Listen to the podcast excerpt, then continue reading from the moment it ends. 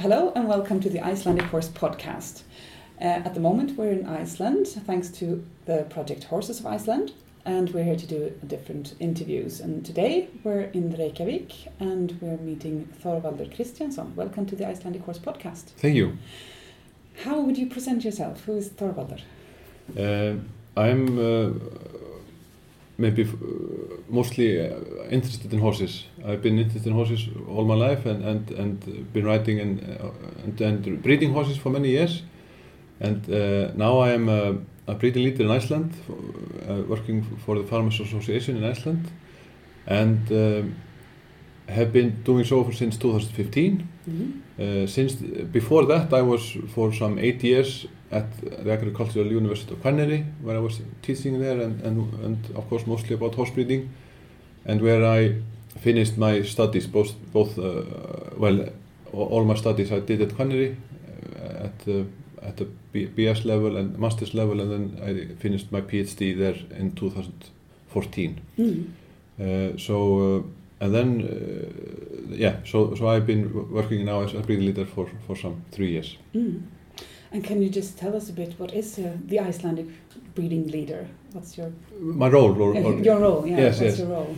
um, well uh, there is a, a, a, a of course a lot of my time in the year goes in into judging breeding horses both in Mhm. Iceland and and, and abroad Mhm. so maybe two or two and a half months goes into that. I'm also in the spring, spring uh, going around Iceland and looking at young stallions, for example, and so, so a lot of my time goes into advising people and, and, and, and judging Mm. breeding horses. Then I'm also involved in, in, in Worldfingur, about the development of Worldfingur and, and, um, and about the, just the registration of Icelandic horses. Uh, then a lot of my time goes into the collaboration in, within five. Mm. I, I'm a member of the breeding committee there, and and and uh, we are always trying to to improve the the rules and and the colla- co just the cooperation around the breeding of the Icelandic horse. So I'm also going abroad, uh, giving seminars about Mm. about about horse breeding, Mm. and then uh, and then. Uh, a big project now is, is uh, I've been working on the development of the judging scale. We have been developing that Mm. and also just defining maybe in more detail the breeding goal for the Icelandic horse. So, so a lot of my time has been has has been um, consumed in, in that project, the development of, of the judging scale. So, Mm. so we the plan is to to present a, a, a new judging scale and and, and uh, a little bit changes of, of the, the weights on the on the different traits in in total score and and a, and a yeah, revision of this system in 2020. So Mm. so I'm I'm preparing that at the moment. Yeah. Because a few of our questions in the end of this interview will be about, will be about that. Yeah. Yeah. Uh, the way you um, can compare four and five gated horses. Yeah. Because this program is about just that. How come some Icelandic horses have four gates and how come Yeah. some have five gates? And a few years ago, uh, it was found um, the genetic uh, Yes. reason to this. Yes. So, can you tell us about this? What is a four gated and a five gated horse? And what decides? Yes. Uh, there. Yeah. As you as you say, there was a this remarkable discovery that was published in Nature in 2012 that that there was this single mutation that could. Uh, explain the difference between uh, four, four-gated horses and five-gated horses, and uh, and uh, within my PhD study, we we uh, we got into collaboration with these people in in Sweden, uh, Lisa Andersson and Gabriela Lindgren, and and uh, and we, because we wanted to study this effect in more detail Mhm. uh, and in in a, in a larger uh, sample of horses, so we we genotyped uh, over 600 horses, uh, which all had um, with, with, all 600 breeding horses, and so they all had we knew the genotype of the horses and they had assessments for, for the different gates. Mm-hmm. And uh, it was confirmed that in, in the study it was confirmed that the AA genotype, so uh, if I go back, this DMRT3 gene, uh, there are two alleles or Mhm. two copies of this of this gene. So so horses can have uh, so can be AA horses, Mm-hmm. homozygous for this mutation. They can be heterozygous CA or or CC Mm-hmm. heterozyg- uh, homozygous for the wild type. Mm-hmm. So in, in the study it was uh, confirmed that the AA genotype is a prerequisite for pace, for Mm. pacing ability. Mm. So, so if uh, so if if you have a, a, a five-jet horse, it has to be AA. Mm. Uh, it doesn't tell you anything about the quality of pace. It, it only tells you can it pace or not. Mm. Uh, so, and also we found that the AA genotype has a favorable effect on the scores for Tölt. So, so uh, this the, what it does this this this genotype is or this uh, mutation it has a, an effect on the coordination of the limbs. Mm. So the idea is that AA horses, uh, the coordination of, of lateral movement, it is it is more coordinated in them. Mm. So so if you have a CA horse, it takes longer time, for instance, to teach them to tölt, Mm.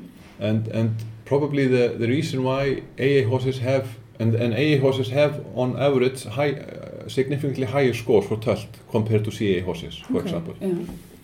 And and what we found is that it probably lies in they have more more speed capacity in tölt Mm. and are, are in general more supple in tölt. Mm. And they also are more precocious in tölt. If you, if you take, for example, horses that are getting nine or higher for tölt as a four years old, Yeah. uh, then there was some, uh, then over 90% of them were AA horses. Okay. So, so they are more precocious in tölt. Mm.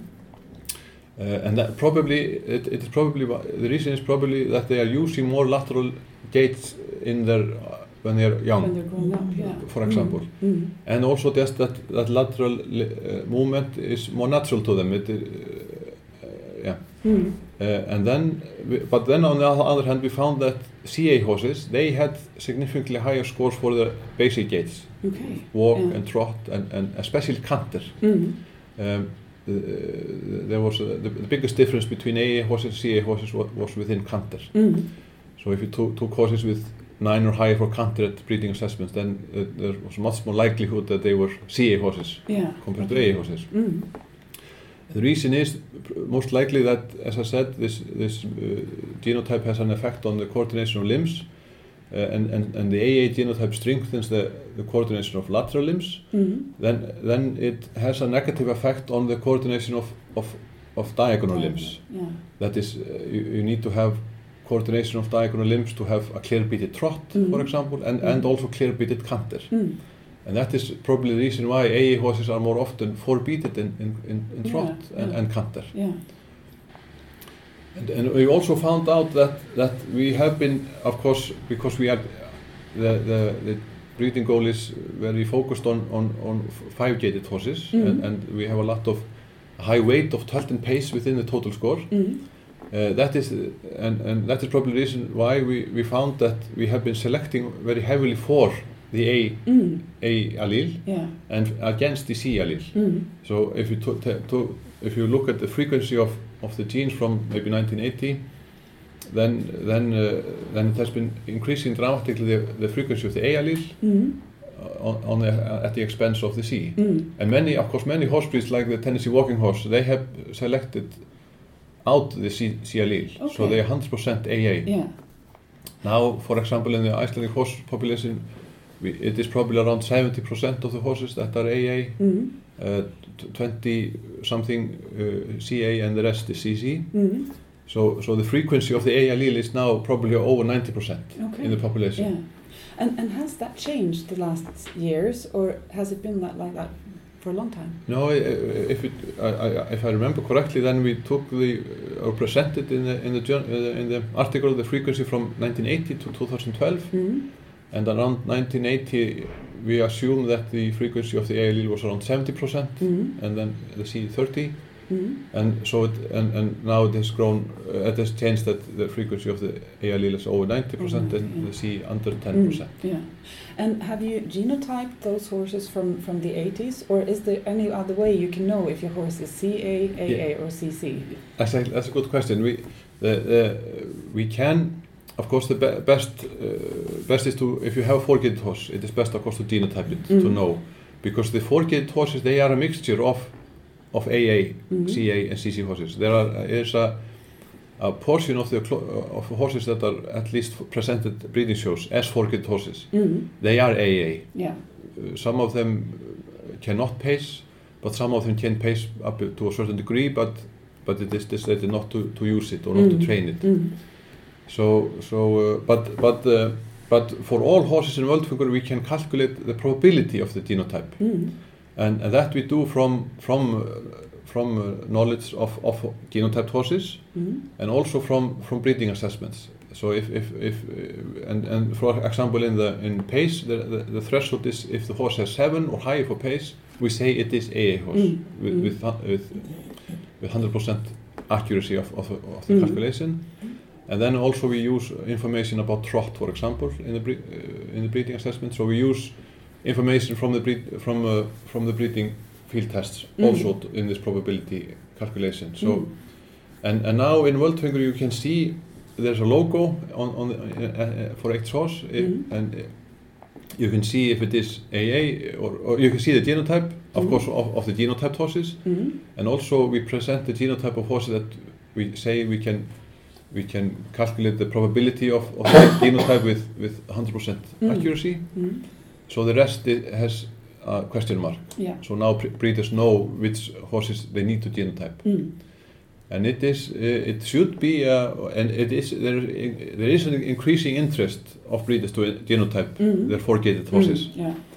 and this should be a uh, this should be a just a routine uh, check in in your breeding work Mm.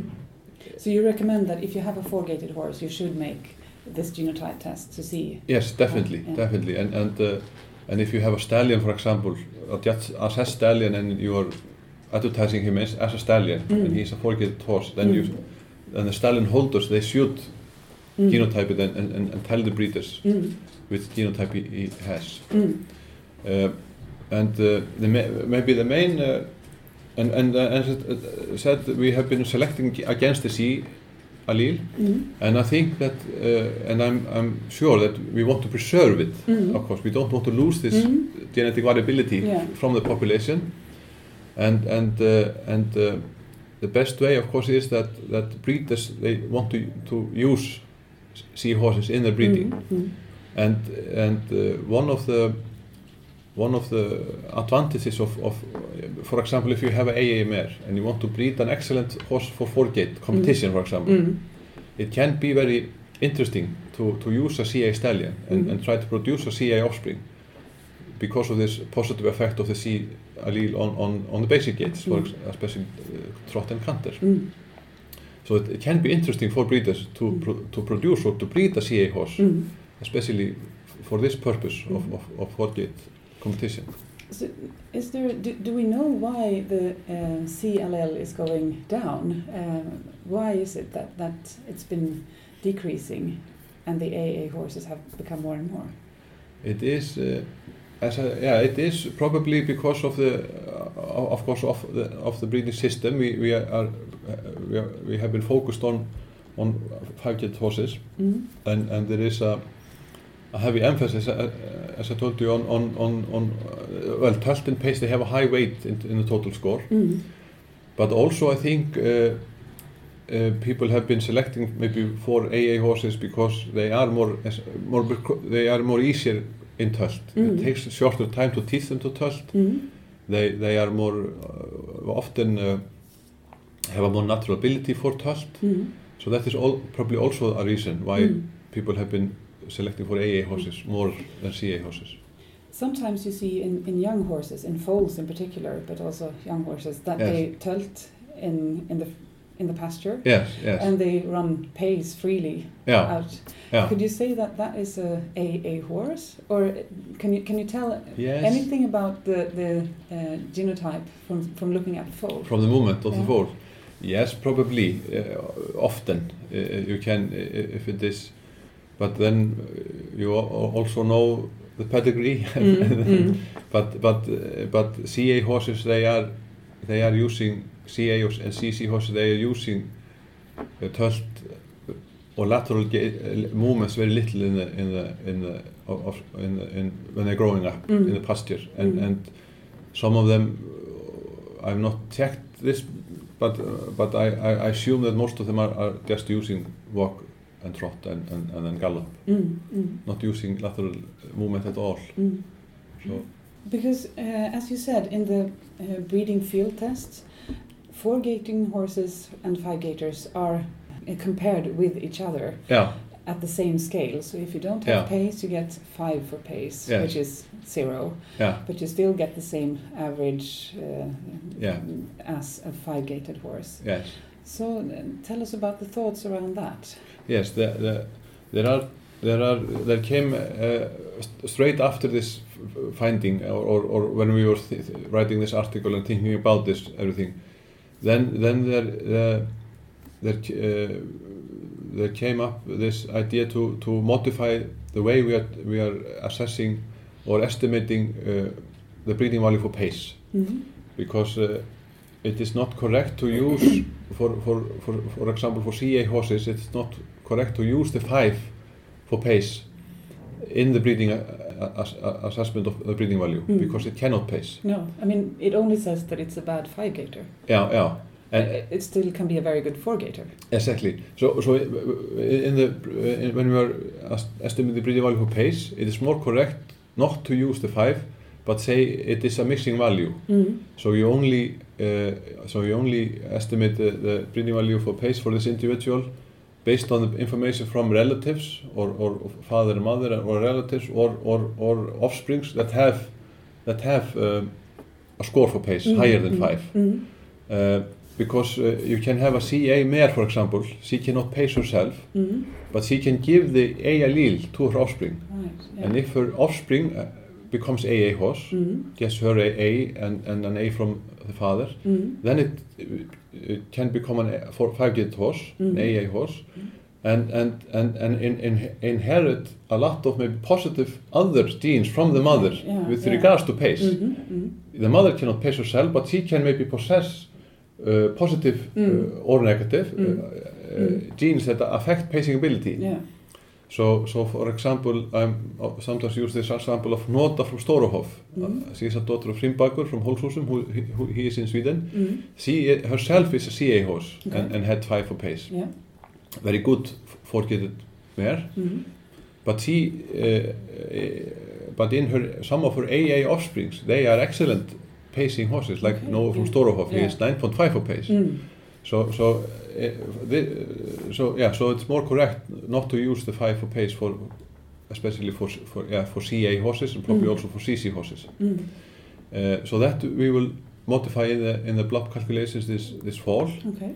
Then the second uh, idea was to uh, was this that now we are, as you say, we are comparing all horses as five-gated horses, although they pace or uh, it doesn't matter do they pace or not. We Mhm. compare them all as, as five-gated horses. Mm. The idea is to calculate in the future and and uh, probably in 2020 when we uh, present this new judging scale, etc. Mm. Then uh, to to calculate two scores for each Mm. uh, uh, the five gate score as we are doing today and a four gate score Mm. and and and that is uh, because of this uh, that CA horses cannot pace for Mhm. example and and uh, and also it is just an interesting comparison between Mhm. all horses Mm. uh, our best five gate horses they they many of them like Hrannar Flugumýr they get high scores both as five gate and four gates Mm. Mm. um, it will it will uh, this four-gated score that will that will uh, lift up the our best four-gated horses Mm. they get higher sco score there of course and Mm. and and and maybe we'll get more types of horses to the breeding assessments especially four-gated horses Mm. which maybe have 8 or 8.5 for most of the gates they are not so much coming to the breeding Mm. assessments as, Mm. as, as it is today and we will probably get more of those uh, Mm. to the breeding assessment so it will be more interesting to, to come with more types of Mm. horses to the breeding Mm. assessments so that I think is also a positive side Mm. effect Mm. but but mostly it is just a it is just a very interesting comparison Mm. Mm. and and maybe also it takes a little bit o- the focus there's a heavy focus on the total score Mm. and maybe it, it also li lifts a little bit the focus of the total score because uh, the total score of, of course is one thing and we are do, calculating to compare horses etc but but it is of course very the most interesting is to to study the scores for each individual trait and Mm. and, and uh, but but uh, yeah I think everybody thinks it's a good idea, I think, and, Mm, and we'll mm. just do it. It's, Mm. it's, a, it's a very simple, simple uh, change Mm. or modification to the system. Mm. Yeah. And this is also a good example of how you can how you can guide uh, breeding into uh, preserving the C allele. In this case, Yeah, yeah. how you can guide people to, to make choices in the way that, that we want it to go. Exactly. Mm. Of course, although the the general picture is like this, AA horses have in general higher scores for Tölt than CA horses, Mm. and CA horses have in general higher scores for the basic gates than Mm. compared to AA horses.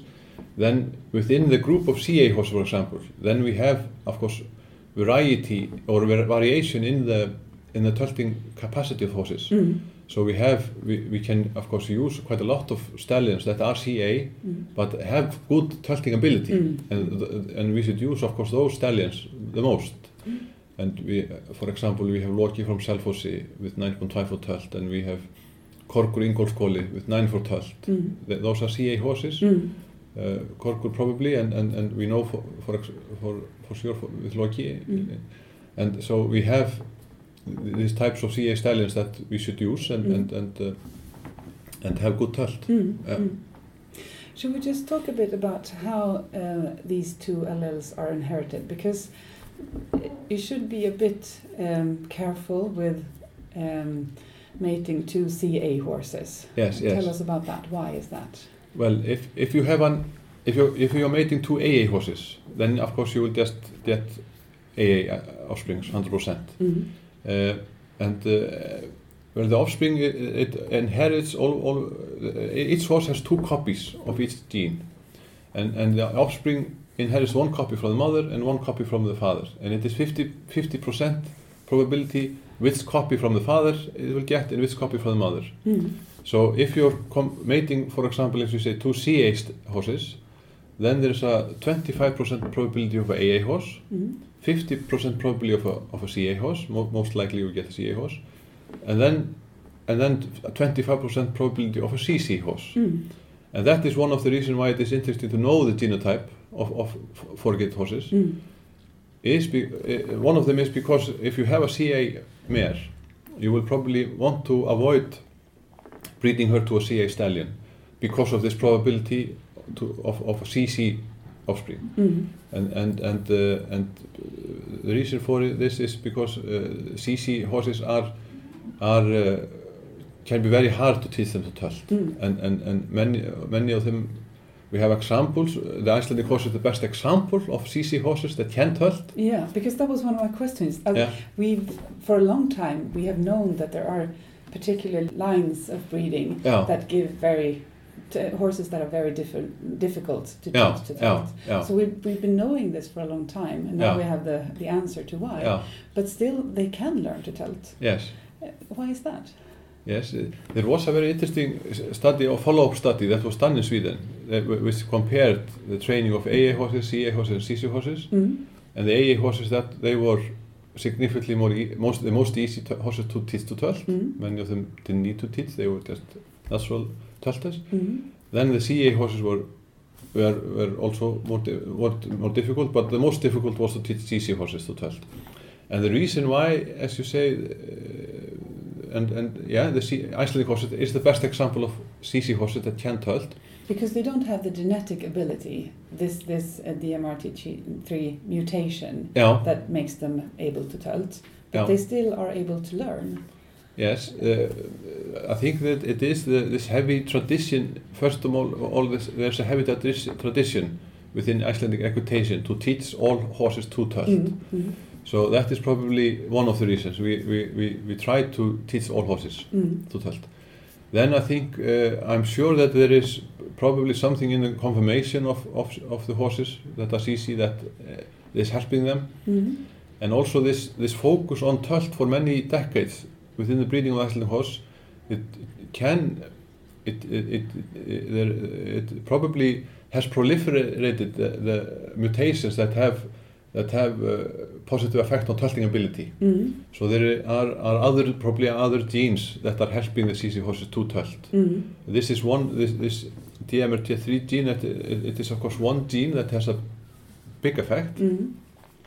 but of course we have other genes a lot of other genes which, which we will try to find in the future. Mm. Some of them maybe have have some considerable effect, but there are plenty, uh, uh, many many genes that other that have that affect Also gating affects, ability. Yeah. Yeah. Mm. So I, I think uh, it is would be really uh, interesting, for example, to I could not do it. Uh, we ha- I had so few CC horses, Mhm. so so within ten they were just six or seven or eight or something. So Okay. so I could not really base any study on on those uh, on that Mhm. group. Mm. But it would be really interesting, for example, to, to study a group of CA horses and, and, and uh, do a, a, a genetic research into those horses and compare CA horses that can tölt very well and CA horses that, that are very poor tölters Mm. and to see what genes are, are, are there some genetic Mm. markers or Mm. mutations that are is explaining the difference in, in, Mm. in this tölting ability. Mm. So, Mm. uh, we, when we were looking at the effect on, of the confirmation, Mm. on, on, on, on gating ability. Then we could pair, compare AA horses, Mm. a group of AA horses, uh, and, and uh, some of them showed pace, 8 or higher. We uh, wanted to compare horses that showed quite good or, uh, excellent pacing ability and compare them to a group of horses that had 5 for pace, Mhm. but were AA. Mm. And there we could, could distinguish between these groups.